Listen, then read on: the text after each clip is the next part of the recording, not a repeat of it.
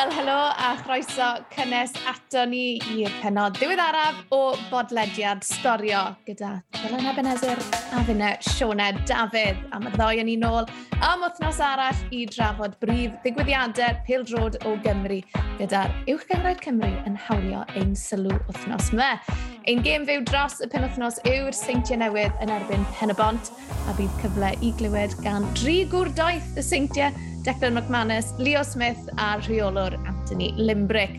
Yn ogystal â chlywed gan garfan y seintiau, Fy ni hefyd yn sgwrsio gyda rheolwr Pen y Bont, Rhys Griffiths, un o ymysodwyr mwyaf clinigol yn hanes y gyngrair ac yn ail ar restr sgorwyr holl hanes yr uwch gyngrair gyda 200 171 o goliau. Felly, un legend o Bêl-drod Cymru, a mae legend arall yn cadw cwmni i fi. Dyna nefyd edrych, ti'n oce? Okay? o, oh, wel, fi'n oce okay nawr ar ôl y croeso yna, diolch yn fawr iawn. Um, fi'n teimlo bod rhaid fi ddangos pas Covid yn mynd ymwneud i'r podcast ar hyn o bryd. Mae'n bwncio os dwi'n byd gemen cael ei goherio bob man, ond uh, fi'n falch gweud bod ni dal gyda chi wythnos yma am nawr ta beth. A ie, edrych man yn fawr at y pen wythnos, uh, gen i weld byddaw.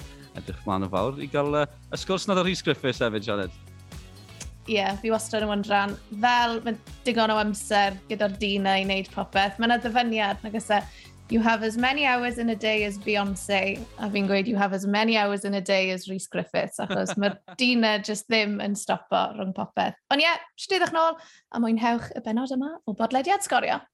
Wel, ni'n mynd i ddechrau othnos yma, droedwch yn ôl, be ddigwyddodd pen othnos diwetha yn uwch gyngred Cymru, a o'n i'n gwylio bell Sioned, o'n i wedi croesi'r môr draw i Iwerddon, priodas, yn nilyn. Hwna'n swnio fel uh, paradwys i lot fawr o bobl. Felly, o'n i'n gweld y canlyniadau yn hedfan mewn, y, y seintiau'n ennill. Nath hwnna ddal yn sylwi yng nghanol y Guinness, mae rhaid cyfaddau. Dwy un yn y bari, dwi'n swnio mor drwyadol o hynny, ond mae'n dreffwynt arall iddyn nhw, 12 pwynt yn glir ar y brig. A tîm Anthony Limbrick yn gorffen yn y chwech uchaf am yr ugeinfed dymor yn ôl yn ôl.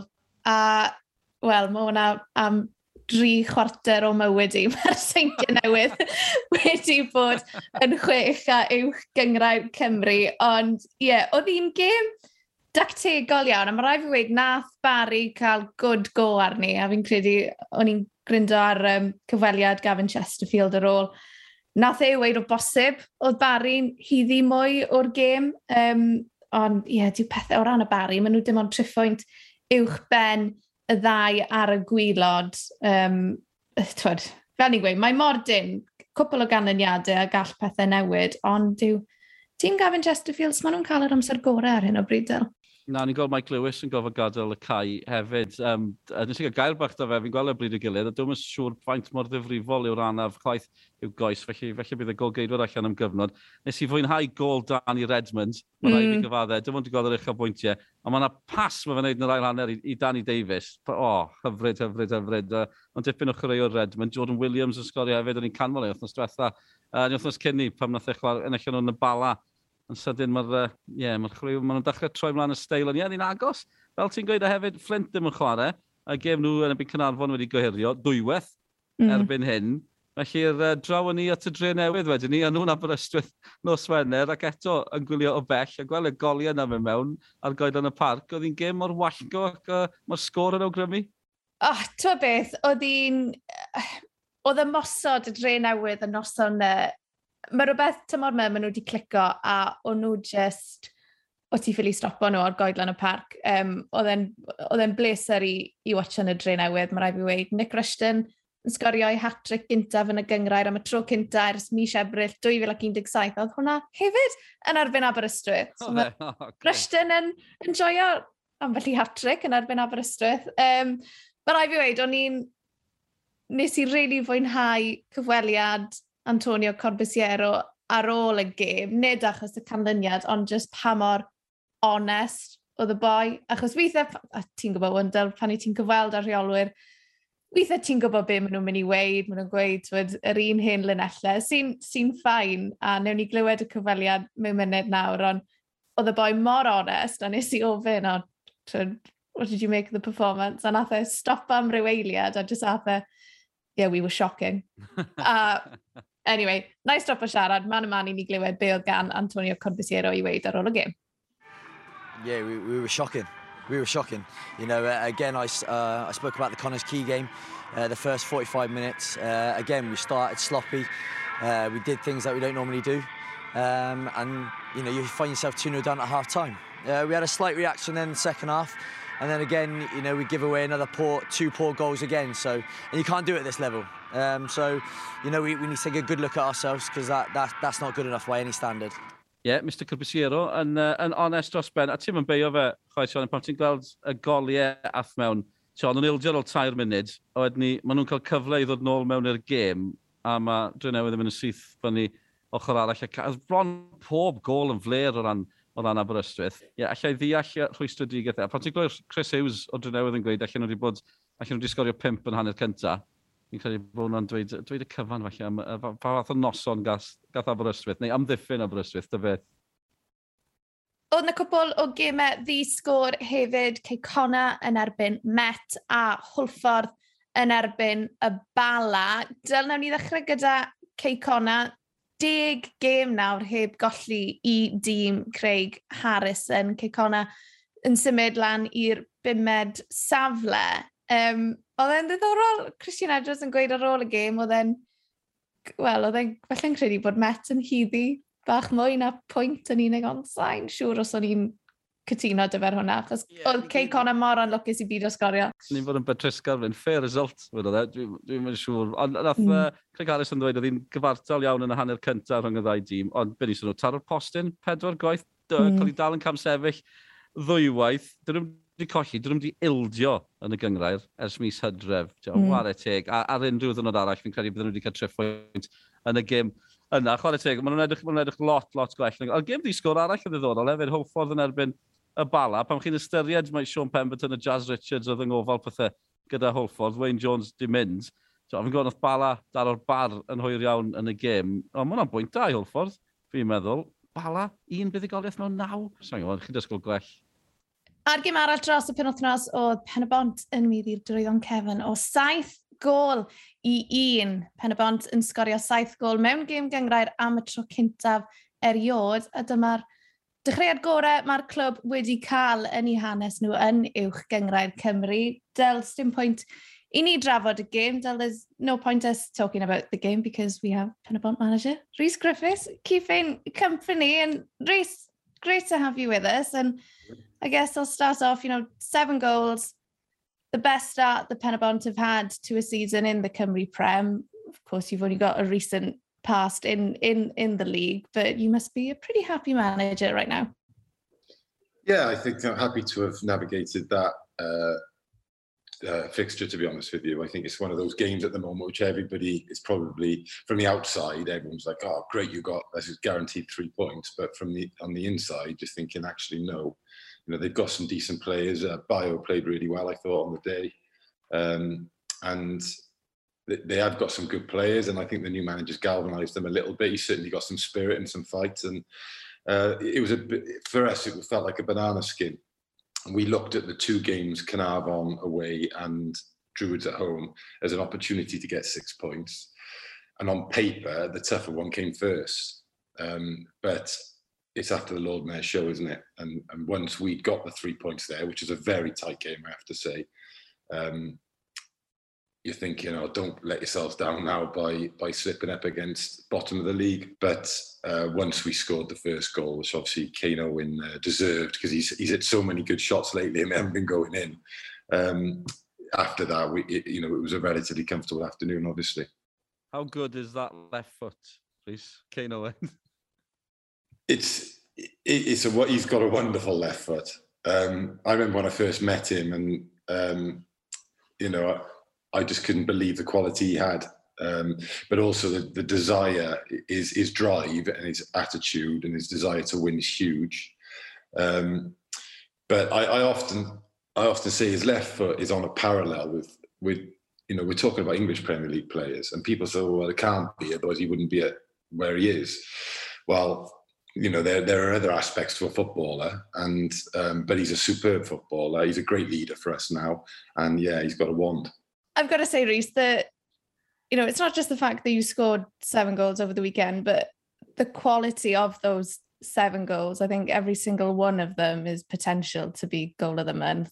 The shortlist might even just be all the goals you scored in that game, to be honest. So again, that must be really pleasing that you know you're not just getting wins, but you're also putting on performances of such a high standard. Well, I've said in the past in my interviews after games that we lacked a bit of quality here. So if we if we drew a game, we should have won. We, I might have said, oh, we lacked a little bit of quality in the final third, or and and and also last year, tight games, we probably lacked a little bit of quality to just give you that win. Sometimes when you've got a Venables in your team, you'll nick a win, which perhaps is tight and you don't deserve to win. Perhaps um, we didn't have that so much last year. Certainly in our first year, we didn't because uh, so many games we played well in and, and um, a cropper. So we've got we seem to be having that now, and certainly, yeah, you're right. Saturday, the, the standard of the goals. I, I, I joked with James Waite yesterday. I said, will they give goal of the month to Penybont twice in a row? But if they've got the courage to do so, his his is goal of the month now. You don't have the budget that a lot of other clubs around you have, and it seems like the type of club and the type of environment where players can develop and almost get a second chance. You've had James Waite, Ryan Reynolds, you know, Mile was at the Swansea Academy before, you know, see Carmarthen and Met didn't really work out for him. So it seems like a really nice club. If you're one of those players that hasn't quite got what it takes to make it at a professional level, that they see Penybont as a really good option. Well, I think they have got what it takes, um, and, it, and it's just about you know building that confidence back up, working on the things perhaps that's been lacking. I think the environment is huge and the character is huge. So when we look at signing a player, I do do my homework on the character a lot of the time as well. So a, a good example is Keen Watts.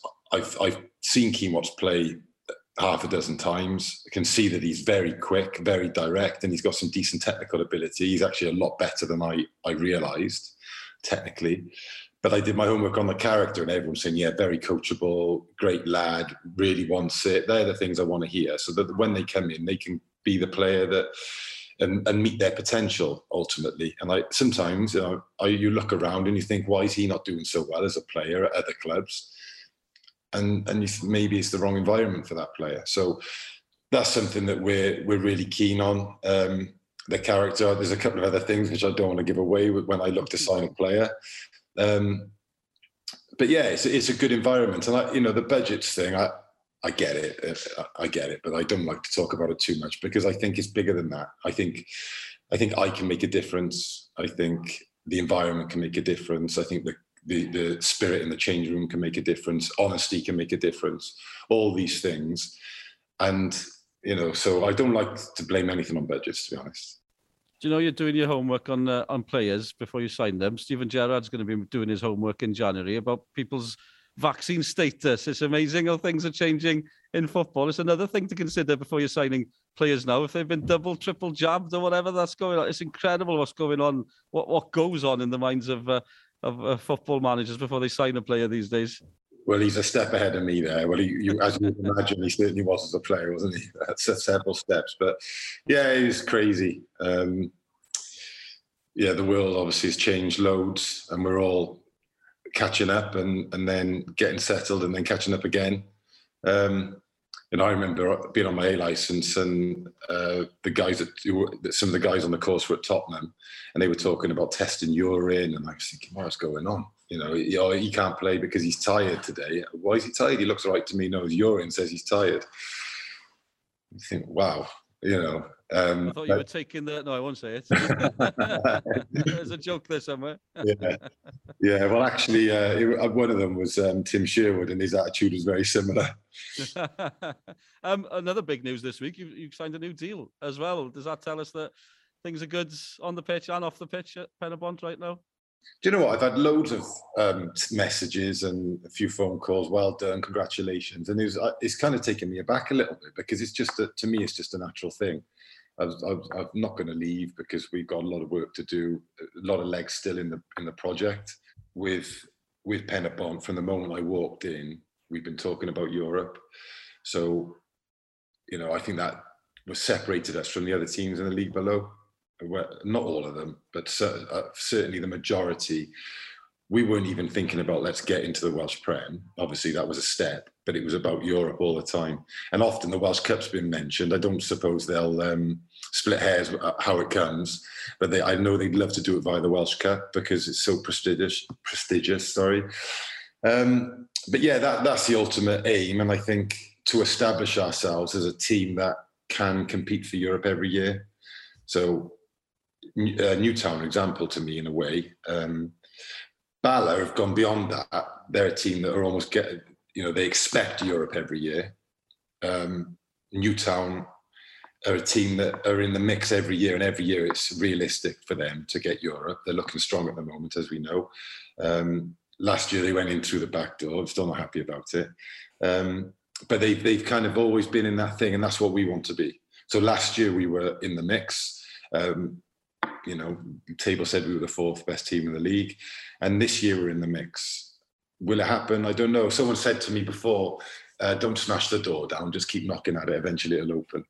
How tough will it be this weekend? Then you uh, you know what's up, what's coming. I guess it's the new Saints. They're uh, you know they were people expect them to be, I guess, back at the top of the league. You faced them as a player.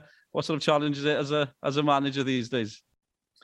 Um, it's one I, I, relish, to be honest with you. Um, you know, Anthony's come in and he's he's been very positive um, about his opponents. To be fair to him, you know, there's no sort of malice at all. He'll, he'll be very honest, and he's always been honest about us. And we've put in some good performances against them. The one time we didn't perform well was the start of last year, and I don't think TNS will be thinking, "Great, we've got Penybont this weekend." I think they'll be thinking, "Oh, they're, they're a pain they are." And you know we we can cause an upset there. You know, there's any we could get a narrow victory there, or we could get a draw, or they could win. It's it's. I'm hoping it's going to be a really tight game because um, if it is, we're doing something right. I've just realised it's, if Wikipedia is correct, it's going to be 20 years, or it is 20 years since you started in this league with Cwmbran all those years ago. Um, time's flown, obviously, how how much has it changed, Reese? You know this well, league inside out. Wikipedia is rarely correct. no, that's true. That's yeah, no. It's roughly 20 years anyway. But you know, what sort of changes have you seen, good and bad, in the last 20 years? Oh, yeah, you don't really you don't really pay attention, do you? You're on the you're on the conveyor belt. It's just moving all the time. And then if if you actually looked back, that's changed. It's changed massively. You know, got the pitches, the teams, the actual clubs you know, you think about your Inter Cardiff, your Ebbw Vales, and all these teams that were Afon Lido, all these teams that were strong when I first arrived in the league. Um, yeah, the pitches, the, the the level of professionalism as well is is so much higher now. The players back then were so streetwise. Um, it was rough and tumble, as you, you, I'm sure you remember. You get away with murder. Uh, bits would be going on off the ball all the time. Um, and you learn some hard hard lessons. And those players, if they came in this league now, they wouldn't last long because of disciplinary. um, but if there were no refs, wow, they, they'd still be in this league now fighting and, and doing really well. There were some really good players back then. The game's just changed. Um, it wouldn't suit me either if, if I was to be playing now. Um, really, that's interesting because your type of player, you see Mike Wild still still doing it. Uh, you know, people are crying out for a, a big number nine, so to speak. Yeah, I think I can see the similarities with me and Mike, no question. But I, I, I think I probably play a little, played a little bit more on the edge than Mike. Um, certainly uh, involved with referees more than Mike was or is. And wow, and, that's, that's going some. and and also, he's a freak. I said to him the other week, you know, that for me, I, I got I got to um, 32, 33, I was very fit and no issues at all. And all of a sudden, I started picking up niggles. I didn't have any bad injuries as such. I remember seeing you at Plymouth um, for that interview, and I got injured that morning, and I was out for four weeks then. So they're not bad injuries, but it was just one after another. And mentally, I just couldn't cope with coming, getting over a niggle and thinking, "Oh, great! I've had three weeks rehab, and I'm back in the game." And then and obviously there's pressure from the board and supporters and and then all of a sudden you get another one somewhere else and it was just niggle after niggle and that's why I just couldn't carry on just mentally I just couldn't get over more like you know niggle after niggle whereas Mike just doesn't seem to pick anything up Lee Trundle's another one like I think Trundle's is two years older than me he's never injured. So I just don't know what's going on. I back myself all day in a fitness competition with anybody, but I, I get injured. so yeah, Mike's doing really well. Um, and I think it'll help him now. Probably it's helped him to be on a grass pitch at Connors Key. It's helped him to be now he's on a grass pitch. I think it's not so much. I know some people find it difficult on the joints. I don't. It's just you just can't leave a bit on anyone on the 3G. You just can't. It's just the the game's so fast. The ball's gone, and yeah, I don't know. It's hard to explain. You can't go up without any fear of your landing. Um, so yeah, I don't think it would suit me, but I don't know. Maybe I'm wrong. I'm not. I'm not sure. Uh, Rhys mentioned Plymouth there, Ed. As you know, we turn up to do interviews for Scorio. Rhys said we'd been for years wondering if you were going to make the move to the professional game because fair play, all those golden boots, everybody was looking at you, and you you suddenly went to Plymouth. We turned up to interview him, Sean Ed, and uh, meet us after training. And Rhys was looking at the watches. Rhys never late, and he was taking his time. And uh, yeah, you got injured during the training session where we were waiting to interview you. Was that a sorry for that? Was Scorio's bringing you bad luck? But stuff like that, how much of a you know, how much of a blow was that when you suddenly you, you make your move to the pro game? It must have been a massive move for you, and then suddenly, as you say, you start getting these niggles. Yeah, it was. It was. You know, if I, the in the moment, it was obviously it was devastating. You know, I'm sure you remember my face and how I felt that day, and I couldn't focus on the interview at all. Um, I, that was my debut that night. I'd been named in the team. I'd been named as penalty taker, which showed that the manager was backing me. I remember I said, "Can I do some finishing?" Was, the session was done. Like, can I do some finishing? And and one of the coaches said, "Oh, we'll do eight. We'll do eight balls. I'll play it into you, touch shot, and then you're in on the, on the eighth one." My calf went. Why didn't he say seven? Everyone knows it's seven. No, so yeah, it was that was really frustrating, but I don't focus on that now. I, you know, it is what it is. I had a good time there. I, you know, I've got not there's things I would do differently probably, but you know, it's all it's all led me to where I am now, which is doing a podcast with you guys. So I'm more yeah. Oh, brilliant, It's been great chatting with you. It's great to reminisce, reminisce all day. But you've uh, We've got a big game to plan for. Can't wait for the one on the weekend. Uh, the new Saints against Penabont. It's live on Scorio. It's, uh, it's always a pleasure. Thanks so much for your time, Rhys. Thanks for having me, guys. Wel, diolch o galon i Rhys Griffiths am i amser ar y pod wythnos yma braf iawn sgwrsio gyda fe a just i'ch atgoffa chi mae Game ddiw sgorio ar Esbrorec Di sadwrn yma am 5 o'r gloch yw y seintiau newydd yn erbyn pen y bont a fi'n addo chi credu dyl bod hwnna'n mynd i fod yn, yn gêm fach ddiddorol. Ydy, mae hi. Na teimlad chi'n cael, bydd Rhys Griffiths yn barod amdani. Um, sorry hefyd, Sean, nes i jyst cymryd dros o'r cyfaliad yna. Dwi wrth y modd yn siarad ar Rhys Griffiths. Dwi wedi bod yn lwcus i, i holi fe trwy gydol i orfa fel chwaraewr a nawr fel rheolwr. Mae fe mor benderfynol. Mae fe mor gystadleuol Tiot. ond fi wrth y modd o fe. Mae'n ma fwy da, mae'n fwy da, chwarae teg. Ond ie, uh, yeah, oedd e yn y cyngreiriau ar un adeg, o'n i'n mynd i fynd yn gwmpas y cyngreiriau nawr. Sean Ed bod yn edrych ar pa hwyl gath y Cymru dros y dyddiau diwethaf wrth i ni fynd yn rownd y Cymru yn y cyngreiriau. Oce, okay, doi am dechrau yn uwch gyngrair Lloegr gyda Leeds United a teg y gweud. Dyw tîm Marcelo Bielso ddim wedi cael yr wythnos gorau hyd yn hyn wythnos yma. Nawn ni ddechrau gyda'r golled o dair gol i ddwy yn erbyn Chelsea. Dan James yn ennill y cic o'r smotyn. Nath roi Leeds ar y blaen, a wedyn Tyler Roberts yn creu'r gol hwyr i Joe Gelhart a nath e unioni pethau yn ddwy gol yr un ond Chelsea yn cipio'r trichwynt yn yr eiliadau olaf a hwnna cyn i nhw fynd i'r Etihad a cholli o saith gol i ddim yn erbyn Manchester City, Dan James a'r Tyler Roberts yn dechrau yn y gêm yna hefyd. Dim gemau Joe Rodan a Ben Davis yn Spurs wythnos yma achos, wel, dim gemau i Spurs. Beth bynnag, i gemau nhw wedi cael i gohirio oherwydd bod Covid yn y garfan ac yn aros gyda'r thema o iechyd, os lycech chi. Rheolwr Burnley, Sean Deitch, yn cadarnhau'r newyddion bod Conor Roberts wedi bod yn yr ysbyty oherwydd salwch, ond bod e'n awr mas o'r ysbyty ac yn gwella. Felly wrth ni gyd fan hyn yn sgorio brysia wella Conor. Yn y bencampwriaeth, oh, Abertawe yn colli o bedair gol i un yn erbyn Nottingham Forest. Steve Cooper yn dychwelyd i dde Cymru. Brennan Johnson yn syrenu i Forest gan greu gol a sgorio gol. Oedd hi'n gêm gyfartal rhwng Birmingham a Chyrdydd, Ciffa Mo yn sgorio i'r adar gleision i bimed gol o'r tymor. Ruben Colwell yn dechrau'r gêm. Will Vokes, Mark Harris ac Isaac Davis yn dod ymlaen fel eilyddion. A gyda Fulham, wel, maen nhw'n parhau ar frig y bencampwriaeth Harry Wilson yn dechrau yn y gêm gyfartal. Oedd hwnna'n un ar un gyda Luton. Mae Harry Wilson wedi sgorio chwech gol a chreu saith yn y bencampwriaeth tymor hwn. A gyda cyngreiriau i sgoriad Nathan Broadhead gol dda wrth i Sunderland giro Plymouth yn yr adran gyntaf ddydd Sadwrn. Dyna pedwared gol Broadhead o'r tymor.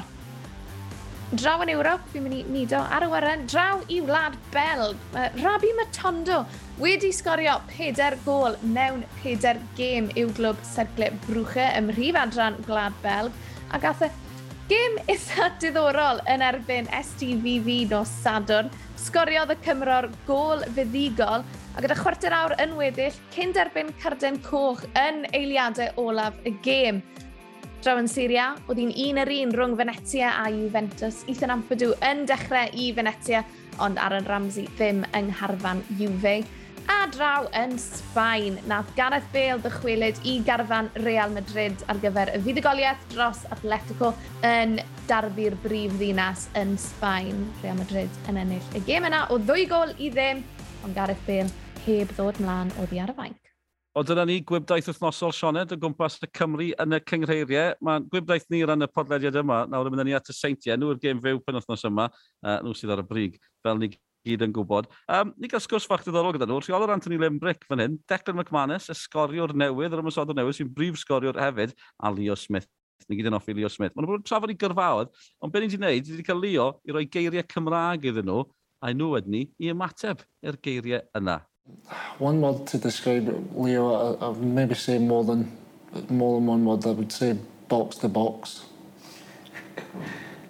Go on, tell me that one. Boxy box. I think you just made that one up there, didn't you? Boxy box. So one word to describe Declan. Yeah, I'd probably say clinical. Clinical. Okay, similar, Nice, easy one. similar, nice, easy one. That's why I picked it. I looked at that before.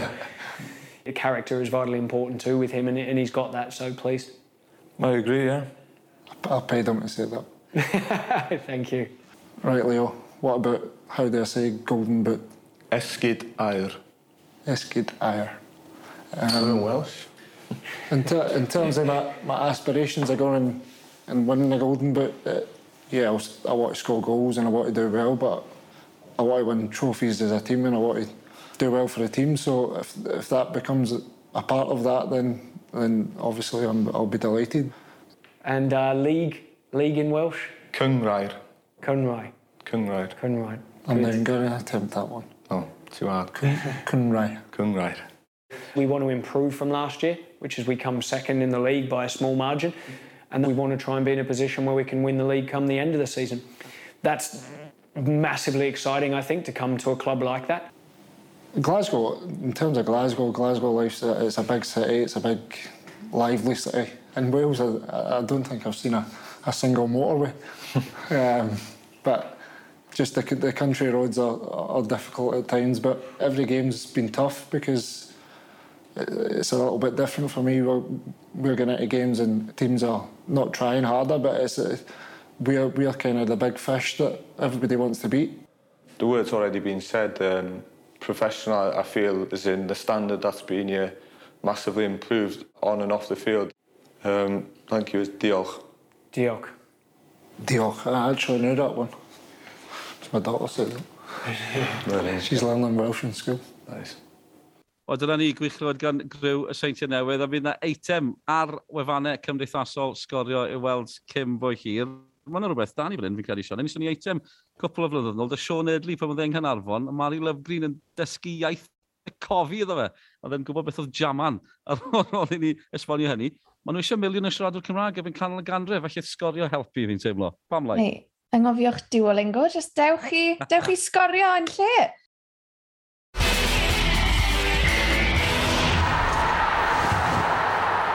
Wel, del ti fel arfer wedi bod yn neud dy waith cartref ac yn cadw llyged ar beth sydd wedi bod yn digwydd yng nghyngreiriau y gogledd a'r de. Felly, take it away.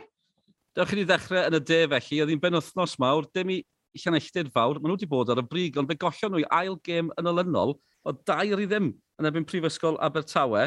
Abertawe nawr di ennill chwech yn olynol gan ildio un gol yn unig, tipyn o rediad, ond o ran llanelltid, fel o'n i'n gweud, colli dwy'n olynol, ond wedi colli tair allan o beder, a peder allan o chwech. Dyn nhw wedi sgorio yn y beder gêm maen nhw wedi colli ac yn drydydd nawr. Mae Pont y Pontypridd 4 pwynt yn glir erbyn hyn, yn y nhw o ddwy gol i ddim yn erbyn rhy daman. Llan Sawel sy'n ail erbyn hyn, yn y nhw o beder i ddim yn erbyn gwndi, dwy gol i Liam McCreish, ac uh, Liam arall yn taro i Gerfyrddin, dwy gol i Liam Thomas, tair i ddim iddyn nhw yn erbyn Port Talbot, ond cwestiwn wythnosol yw Port Talbot wedi cael pwynt tymor yma, felly nagyn chwarae 17, colli 17. O ran y penwthnos sydd yn dod, y gêm fawr byddwn ni'n tybio, Pont y Pryd ar y Brig yn cwrdd â Goetre United sy'n bedwerydd. Ti ar gogledd, wel, cyntaf yn erbyn un o'r gweilod oddi dros y penwthnos, Ebus yn eich o 5 gol 1 yn erbyn Llanreadr y Mochnant. Ebus, 7 pwynt yn glir, 14 gêm heb golli, dim ond un wedi colli drwy dymor, ta beth, dwy gol i Adam Davies, mae fe wedi sgorio 23 o goliau tymor yma, dim sioc clywed mae fe yw prif sgoriwr y gyngrair, da fe 11 yn fwy na'r nesa ar y rhestr, sef Conor Bird o Lanedloes. Uh, o ran y tabl, Llandud nos i'n ail, nillio nhw o ddwy gol i ddim yn ebyn Hotspur Caergybi. Toby Jones yn sgorio dwy gymaint o enwau. Oedd yn arfer chwarae yn uwch yng Cymru yn y cyngreiriau is yma. Cegedfa'n drydydd, yn eich dair gol i ddim yn erbyn Llan Gefni sydd ar y gwylod. O ran penwthnos yma, y gemau mawr o beth dwi'n gweld, bwclen cwrdd â triff ffynlon, 12 milltir sy'n gwahanu nhw. Mae hwnna'n oswener, di sadwn, beth am hon, ar y sadol ola cyn y dolyg, criw bai Colwyn yn teithio i'r rithyn. Cefnogwr bai Colwyn yn mwynhau taith bach, hwnna'n drepach neis, just cyn dolyg. Wel, mae'n mynd i fod yn ben wythnos fysi arall yn uwch gyngrau'r Cymru ac wrth gwrs bydd sgorio ar draws yr holl gyffro a dyl un peth sy'n sefyll mas yw fod y pedwar uchaf yn y gyngrair i gyd yn chwarae i gilydd. Ydy, a'n ben, na'r na peth sy'n cael chi, mae'n mynd i fod mor ddiddorol pan wythnos yma. Seinti newydd ar y brig, ben y bont yn bedwerydd, a mae'r ddau sydd rhyngddyn nhw, tre newydd a'r Flint yn chwarae i gilydd. Flint wedi cael cwpl o gemau i goherio nawr, neu'r un gem wedi cael ei goherio ddwywaith yn efo'n Cynarfon. Felly bydd yn ddiddorol, hefyd mae Met yn chwarae Bari nos Wener. A mae bach o ddyluniaeth rhwng hmm. rhain, mm. a maen nhw'n hollol gyfartal ar ym pwyntiau yn y tabl, wythfed yn erbyn nawfed, felly ie, fi'n edrych ymlaen yn fawr at hwnna. Cyn mynd, mae rhaid ni sôn am yr enwau yna yn dod allan yr het, neu ddim yn dod allan yr het yng Nghymru ar y Pencampwyr, beth yn y byd, oedd yn mynd mlaen fyna. Mae rhaid fi wedi, o'n i'n rili really cydymdeimlo gyda un cefnogwr Chelsea nes i weld ar Twitter pan nath nhw dynnu Lille mas o'r het a nath e bwcoi fflight mas i Ffrainc Wedyn nath e glywed bod nhw'n gorfod ail wneud yr tynnu'r enwau mas o'r hetiau, achos be bynnag ddigwyddodd, sa'n gwybod. Canslo i fflait i Lille, a wedyn Chelsea yn cael Lille unwaith eto, a di gorfod ail bwcio'r holl beth. Felly, ie, yeah, pwr da, bod e siŵr bod gath ei cwbl oriau stressful iawn ddim yn aml dwi'n cydymdeimlo gyda cefnogwyr Chelsea, a actually, dwi ddim yn mynd i cydymdeimlo gyda cefnogwyr Chelsea. Dwi'n mynd cael mynd i sylw o cyngor y pencampyr, achos dwi'n cefnogi Arsenal, os dim capten dyn ni. Felly, yna beth sy'n poen i fi ar un y bryd. Ie, yeah, beth sydd wedi digwydd i Obama Aubameyang, Del? Dyfa hwn yw dy rant wythnosol di? Uh, Ys dim rant gyda fi wythnos hyn. Falle na i droi e mewn i rant am Aubameyang. Fi gyda Arteta ar hyn, achos nath Arteta ddweud... Um, dim, sa'n credu mae'n ma'r tro cyntaf i hyn ddigwydd, fi'n credu. Achos, a hefyd, chi'n dilyn o'r Instagram, so chi'n gweld gêm yn gorffen, beth nesaf, mae Bamiang ar yw private jet yn mynd rhywle. Top to toe yn Gucci. Felly, ie, uh, yeah, mae rhywbeth i fy mlaen na, and, um, yeah, gen i weld. Fi'n credu, fi credu ni aros dy'r rheolwr ar hyn am hyn o bryd, ond gan bod dolyg yn dod hefyd, mae rai ni sôn cyn mynd am gefnogwyr Real Betis a'r uh, golygfeidd yn ei gêm nhw. Ond ni ddim yn gwybod bod hwn yn, yn thing ble mae'r cefnogwyr yn taflu, um, well, teddy bears ar y cae. Mae'n anhygoel. Os ych chi heb fel y fideo ar Twitter, canno, os nad milodd ar filodd o teddy bears yn cael ei daflu mlaen i'r cae yn ystod gêm, wel, na, mae rai bod e cyn y gêm, sa'n credu bydde fe wedi digwydd yn ystod y gêm, um, i helpu roi'r teganau yma i blant mewn angen a myrfideo. A dros 50,000 na, felly ti yn sôn, tron ti'n gweud miloedd, ni yn sôn am filoedd o deganau cydlu bach fluffy'n cael ei danfon yn y cae. Ware teg, Real Betis, a mae Hector Bellerin draw na, felly mae hwnna wastad yn byth dan y gwe dwlu ar hector. Wel, na ni, am wythnos arall, del ni wedi ffito lot mewn i'r benod yma, mae rai fi weid. Cofiwch am Gwenan a Sioned yn siarad ffwtbol, mae'r benod ola cyn yn y doleg, mas gyda holl uchafbwyntiau gêm y merched, Hwna ar gael i oelio ar gyfryngau cymdeithasol sgorio yn argym fawr rhwng y seintiau newydd a Ffen y Bont yn fyw ar Esbrorec dydd sadwn yma am 5 o'r gloch a dyl i ni'n mynd i fod nôl wythnos nesaf gyda neb llai na Mr Rob Page yn cadw cwmni i'r ddau o ni. Wnaethon ni recordo penod arbennig ar gyfer y Nadolig a bydd hwnna'n gracr Nadolig go iawn ydy Anreg Bachdolig cynnar i chi gyda Rheolwr Cymru. Edrych nôl ar y flwyddyn anhygol sydd wedi bod ac edrych mlaen i beth ddaw flwyddyn nesaf. Pwy a wyr beth ddaw flwyddyn nesaf? Episod am wythnos nesaf. A diolch am eich cwmni, diolch am rando.